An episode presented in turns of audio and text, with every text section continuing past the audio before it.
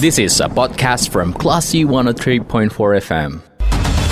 Cermati diskusi update dan aktual dalam program Fokus Forum Diskusi.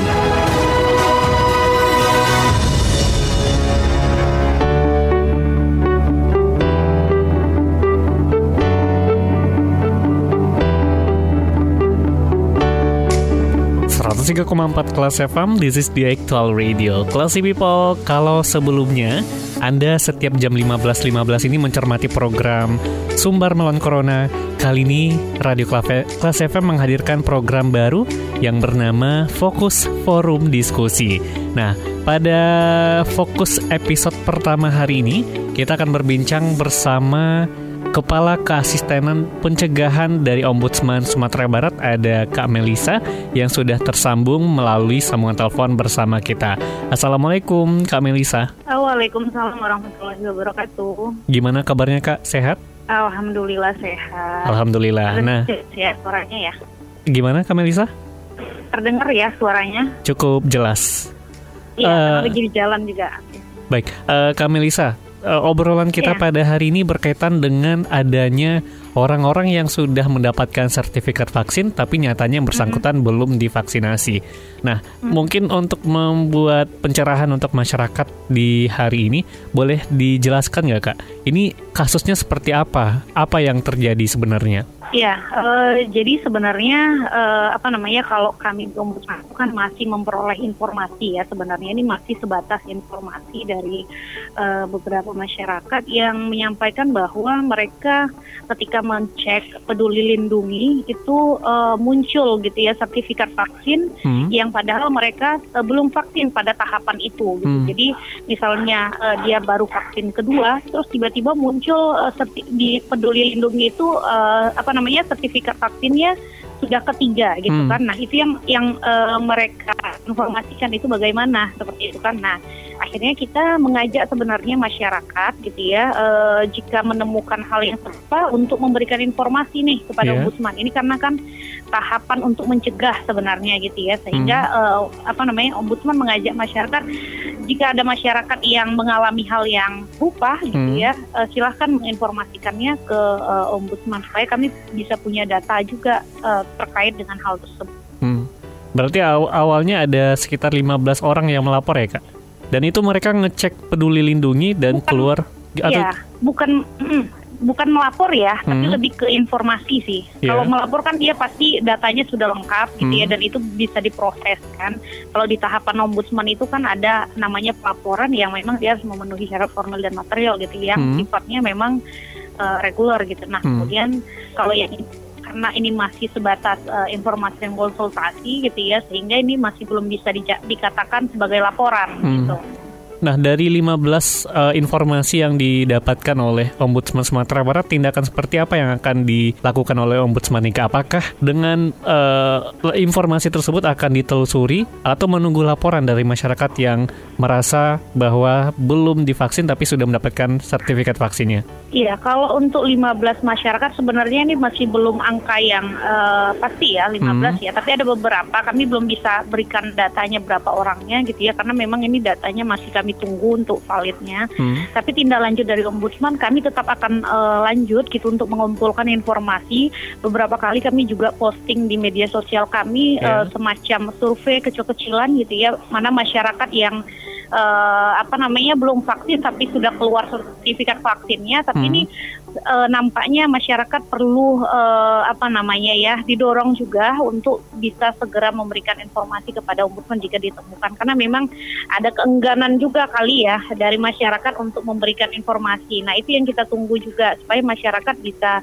uh, berpartisipasi aktif juga jika menemukannya silahkan uh, sampaikan ke ombudsman sehingga kami bisa lakukan uh, apa namanya tindakan yang uh, lebih lanjut untuk men, apa namanya menindaklanjuti hal tersebut. Kalau sekarang kan masih sebatas informasi ya, hmm. sehingga kita belum bisa uh, katakan ini memang ada uh, ada dugaan maladministrasi atau seperti yeah. apa. Hmm. Tapi informasinya seperti itu. Nah ada beberapa kan kita lihat di media sudah bermunculan juga ada beberapa uh, masyarakat yang mengaku gitu kan hmm. nah, memperolehnya. Nah ini yang kita uh, butuhkan gitu. Mungkin dari dari kegiatan ini uh, masyarakat siapa pun yang mendengar gitu ya bisa memberikan informasi tolong sampaikan ke hotline-nya uh, ombudsman, Iya, kemudian nanti hmm. bisa di- dikirimkan sekalian screenshot gitu ya uh, dari sertifikat vaksin yang ada di Peduli Lindungi. Hmm. Nah, eh, dari angka yang mungkin saat ini bisa jadi akan terus bertambah ya, Kak. Kita belum bisa Iya, mendapatkan bisa jadi, informasi. Bisa jadi akan bisa jadi akan bertambah ya. Hmm. Nah, karena Uh, saya hmm. belum update ya. Eh, dari daerah mana saja nih, Kak? Dari informasi yang sudah didapat oleh ombudsman? Ya, kalau daerahnya itu yang masih kita ini itu Kota Padang, Hmm. dari daerah Kota Padang, kemudian Kabupaten Solo dan Pasaman Barat. Itu yang sementara masih kita dapatkan informasinya. Hmm. Tapi nggak menutup kemungkinan ya, mungkin daerah-daerah lain juga eh, ada, gitu ya. Jika ya itu. Hmm. Eh, untuk pelaksanaan vaksinasi kan ini dilaksanakan oleh berbagai pihak ya, Kak. Ada dari Betul. Kementerian Kesehatan ke di di daerah itu dari dinas kesehatan, kemudian juga Mm-mm. dilaksanakan di eh, kepolisian. Ini kalau dari cer- pencermatan oleh ombudsman, kira-kira kejadian seperti apa nih, Kak?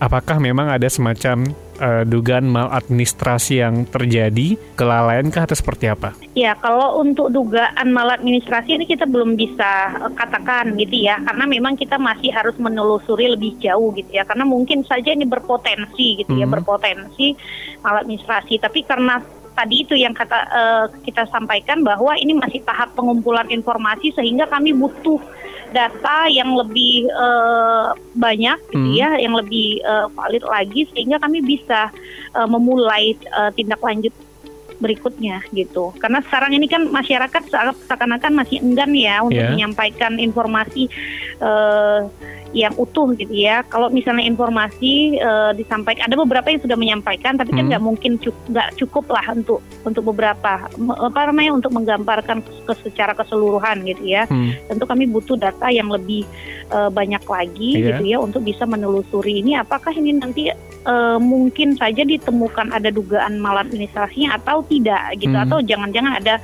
kendala lain nah supaya kami bisa tindak lanjuti lebih lebih jauh lagi gitu sih.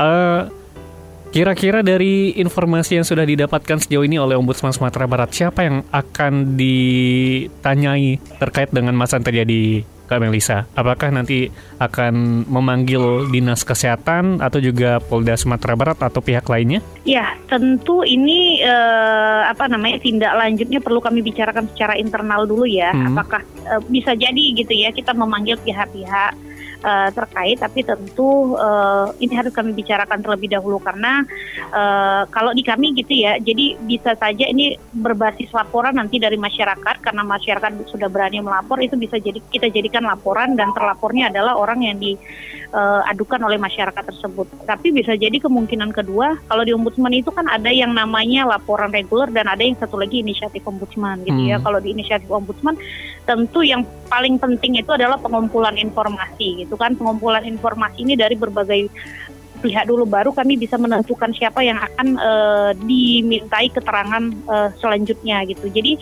kemungkinan-kemungkinan siapa saja yang eh, dimintain yaitu nanti eh, kita akan eh, sampaikan setelah ini sudah eh, oke gitu. Hmm. Ini kan kasusnya berkaitan dengan kesehatan ya, Kak Melisa. Dari eh, apa yang terjadi saat ini, kira-kira ada semacam potensi terjadinya tekanankah dalam pengusutan kasus ini? Gimana gimana? Eh, terkait dengan kasus yang sedang terjadi kali ini yang mungkin sedang dikumpulkan datanya oleh Ombudsman Sumatera Barat. Ke depan apakah semac ada ada prediksi atau potensi terjadinya tekanan eh, dalam pengusutan kasus ini yang mungkin juga nanti akan bisa jadi eh, pihak-pihak tertentu yang yang sebelumnya mungkin melakukan hal-hal seperti ini.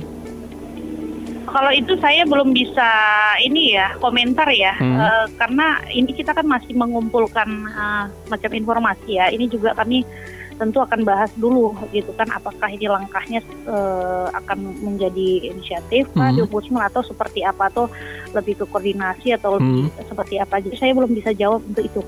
Baik. Eh, terakhir Kak Melisa, apa himbauan buat Iya. masyarakat kembali? Tadi sudah diajak agar jika mengalami kasus yang serupa atau mengetahui segera melapor ini, nantinya melapor ke mana? Iya, jadi kami menghimpun ini sebenarnya eh, masyarakat gitu ya untuk berpartisipasi. Ayo cek coba aplikasi Peduli Lindungi masing-masing gitu ya.